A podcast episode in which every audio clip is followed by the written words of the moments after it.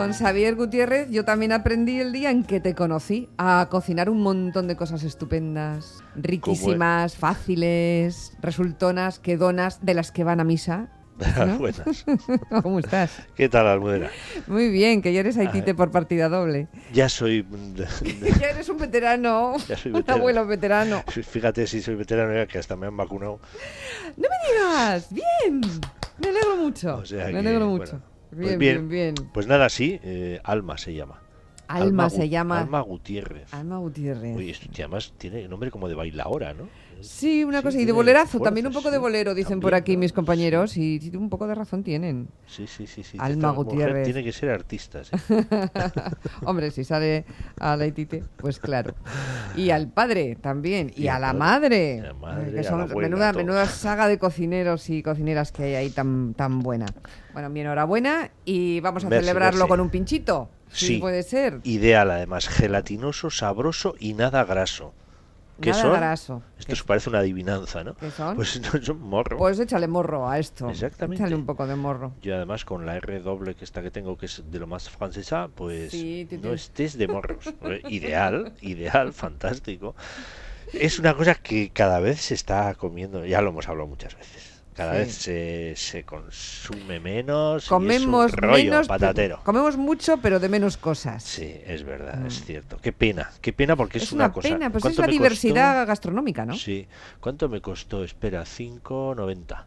5.90 y me salieron eh, unos 20 creo, no sé 20 cuántos. 25. Creo 25. que unos 25. me 25 salieron. pinchos. Sí, Mm. los conté, ¿eh? los conté. Creo unos 25 pinchos. 5.95. Hubo que cocerlo. Ya, hubo que cocerlo, sí, claro. Y luego hubo que freírlo. Bien, pero ya viene pero- limpio, ¿no? Cuando lo compramos. Viene muy están- limpio. Sí. Vienen ahora los la casquería ahora no es como antes. Eh, yo el otro día estaba co- con el morro en la mano y digo yo, joder, no huele nada. Nada, es totalmente aséptico ya, en vez- incluso como empiezas a pensar ya. ¿no? Y nada, viene muy limpio, aun y todo, pues por dentro suele tener algunos pelillos y tal. Bueno, eso coges el cuchillo Y lo raspas y ya quitas un poquito y, Mm. y ya está, ¿eh? no, no se queda más. Porque lo único que tenemos que hacer, si, si hemos tenido la suerte de pillar uno como estos, eh, es cocerlo, cocerlo en, eh, en, pues en una olla, en una olla normal o en una olla a presión. Yo hice una vez una prueba para saber cuál de las dos preparaciones eran concretamente con morros. Estaba hecha en olla y cuál estaba hecha en cazuela y nadie supo distinguirlo. Así, así, queda, queda dicho, ¿eh? Queda dicho. Y éramos personas que, que, sí que- que sabíamos lo que traíamos entre manos. Y fue una prueba ciega y nadie, ninguno supimos eh, cuál estaba hecho en cazuela y cuál estaba hecho en olla a presión. Olla a presión, si es que en realidad, bueno, sí es verdad que actúa de, de una manera distinta, está hirviendo a, la presión atmosférica que estamos aquí, se, se hace una especie de, de micro de microatmósfera en, en el interior de la olla y está hirviendo ese agua a unos 125 grados. Lógicamente, contra la temperatura normal de, de cocción, pues ¿qué hace? Pues acortar el tiempo de cocción, una barbaridad, pero una barbaridad del orden de, de igual un 70%, ¿no? Entonces eso es un ahorro, es muchas cosas y el resultado es muy bueno, muy, muy, muy bueno. ¿Yo con qué lo cocí? Pues con un par de cebollas, una zanahoria, un puerro pequeño, eh, tres clavos, que esto para mí es, el clavo es... ¿Por es- qué? ¿Por qué los clavos? el es la maravilla de las maravillas. Es la maravilla. Sí, sí, sí, el clavo es, digamos, la especia más canalla, la especia más salvaje, es como... si- Yo me imagino el clavo así como con pinta de punky y, y- no sé, tocando música así como muy, muy, muy, muy rockera y muy... así.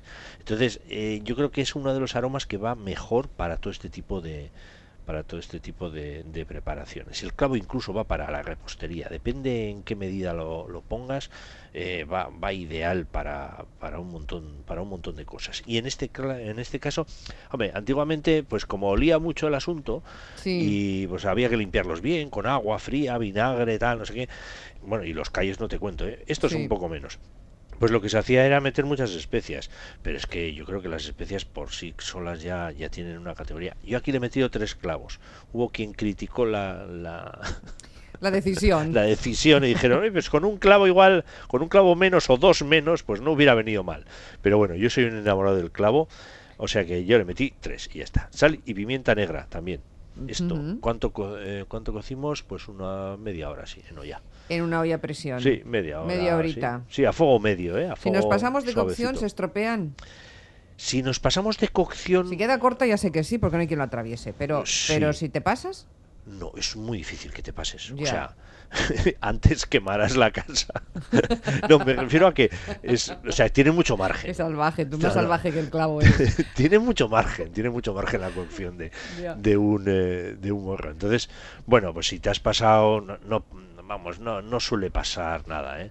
Nunca he hecho un morro cocido durante 50 horas a esta temperatura porque no sé cómo queda. ya. Es una prueba que no he hecho. No has Eh, hecho igual- todavía. igual- Igual, igual por decirlo, ¿verdad? sí, vas, igual a, vas a probar. Sí, porque una vez que están hechos, lo único que hacemos es rescatarlos de ese caldo. En este caso de preparación, lo que estamos preparando es un eh, es un pincho, un pincho bastante sencillo, ¿no? Entonces no vamos a utilizar la salsa porque vamos a hacer el morro frito, ¿no? Si tuviéramos que hacer pues una salsa de tomate y tal, aprovecharíamos ese agua de cocción porque está fantástica e incluso podemos triturarlo, filtrarlo y ya queda más o menos ligado, porque con la verdura, etcétera, yo aquí utilizo como un litro y medio de agua, dos litros, depende, ¿no? Depende del tamaño del morro. Y, y entonces puedes utilizar esa salsa pues para cualquier otra cosa. Bueno, nosotros de hecho la congelamos y pues para albóndigas o para yo que sé, cualquier otra preparación, Ah, pues ya sí. tienes ahí. Tiene- Sí, con, sí, con sí. ese caldito. Sí, sí, claro, ya tienes el caldo ahí preparado, lo, lo- lo separas en tres boles, congelas y luego utilizas. Que quedará muy, muy gelatinoso muy también. gelatinoso, muy tal. Y luego ya pues lo añades ¿A pues, la una salsa de las la- albóndigas, por ejemplo? por ejemplo, por ejemplo. vale, es una vale. cosa que haremos nosotros en breve. y sí, sí, es una cosa que hacemos, que utilizamos siempre. Es decir, alargamos un poquito la- las preparaciones, generalmente suelen sobrar, y entonces lo que hacemos es congelar, congelar y utilizar para otras cosas. ¿no? Claro. Muy Ya, bien, pues ya tenemos entonces el, el morro El morro. cocido. Una vez Hay que dejarlo frío, enfriar, ¿no? sí, lo sacamos, una- lo rescatamos, sí. como tú dices, lo rescatamos del, ca- Rescatar, del lo caldo. rescatamos y lo enfriamos para que se quede duro, duro, que hay veces que, que la gente que no está acostumbrada a esto se queda sorprendida de la dureza de cómo queda el Mm. morro una vez cocido, que lo puedes coger de una punta y no, se dobla, ¿eh? No, O sea, Exacto, tieso. Sí, sí, tieso, tieso, tieso. Entonces le metes el cuchillo y cortas láminas como de un centímetro, así, ¿no? Y poca cosa más. Harina, huevo y eh, al aceite, al aceite medio, ¿eh? al aceite medio para que se vaya dorando por los dos lados y se Mm. quede blandito, blandito y tierno. Se queda increíblemente blando y además gelatinoso. Sí, a una, toda una la gente- delicia, una delicia. yo estoy seguro que a todos los oyentes que les gusta todo el tema este eh, se está haciendo la boca agua porque es que era así. Es así, es, Es así, así. efe- efectivamente, es así. Mira, hay gente que ya nos está escribiendo que dice que, en su- que, claro, la olla hay que cogerle el punto, ¿no? Que en su Sí, olla tarda más. sí, sí, hay gente que no es de especias, que no les pone, que no le pone nada.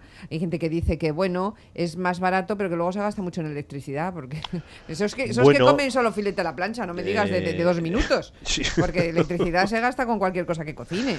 Sí, estoy seguro que hay veces que tienes el ordenador encendido y seguro que está Hombre, gastando. claro. y- hombre, no es lo mismo, ya sé que son cosas que son cosas distintas, pero tú calcula que si partes de si partes de un precio barato eh, el hecho de tener la- el media hora el fuego funcionando, fuego medio, ¿eh? tampoco es necesario, porque la, la olla tiene una cosa buena, que es que no necesitas candela, necesitas candela al principio, pero luego la parte de la cocción, digamos que si son 30 minutos, la parte de los 20-25 últimos minutos lo puedes hacer a temperatura media, incluso baja. ¿eh? Baja generalmente, porque en Sí, cuanto sí. sube, si tienes una olla rápida, en cuanto sube, tú Te lo pones a lo coge- mínimo y, ya no mueves las dos líneas del, del Eh, eh, tapón. sí, sí, sí, sí. Y entonces no es necesario que estés con el fuego zumbando, porque no, no, no, es, es o medio o bajo. Mm. Sí.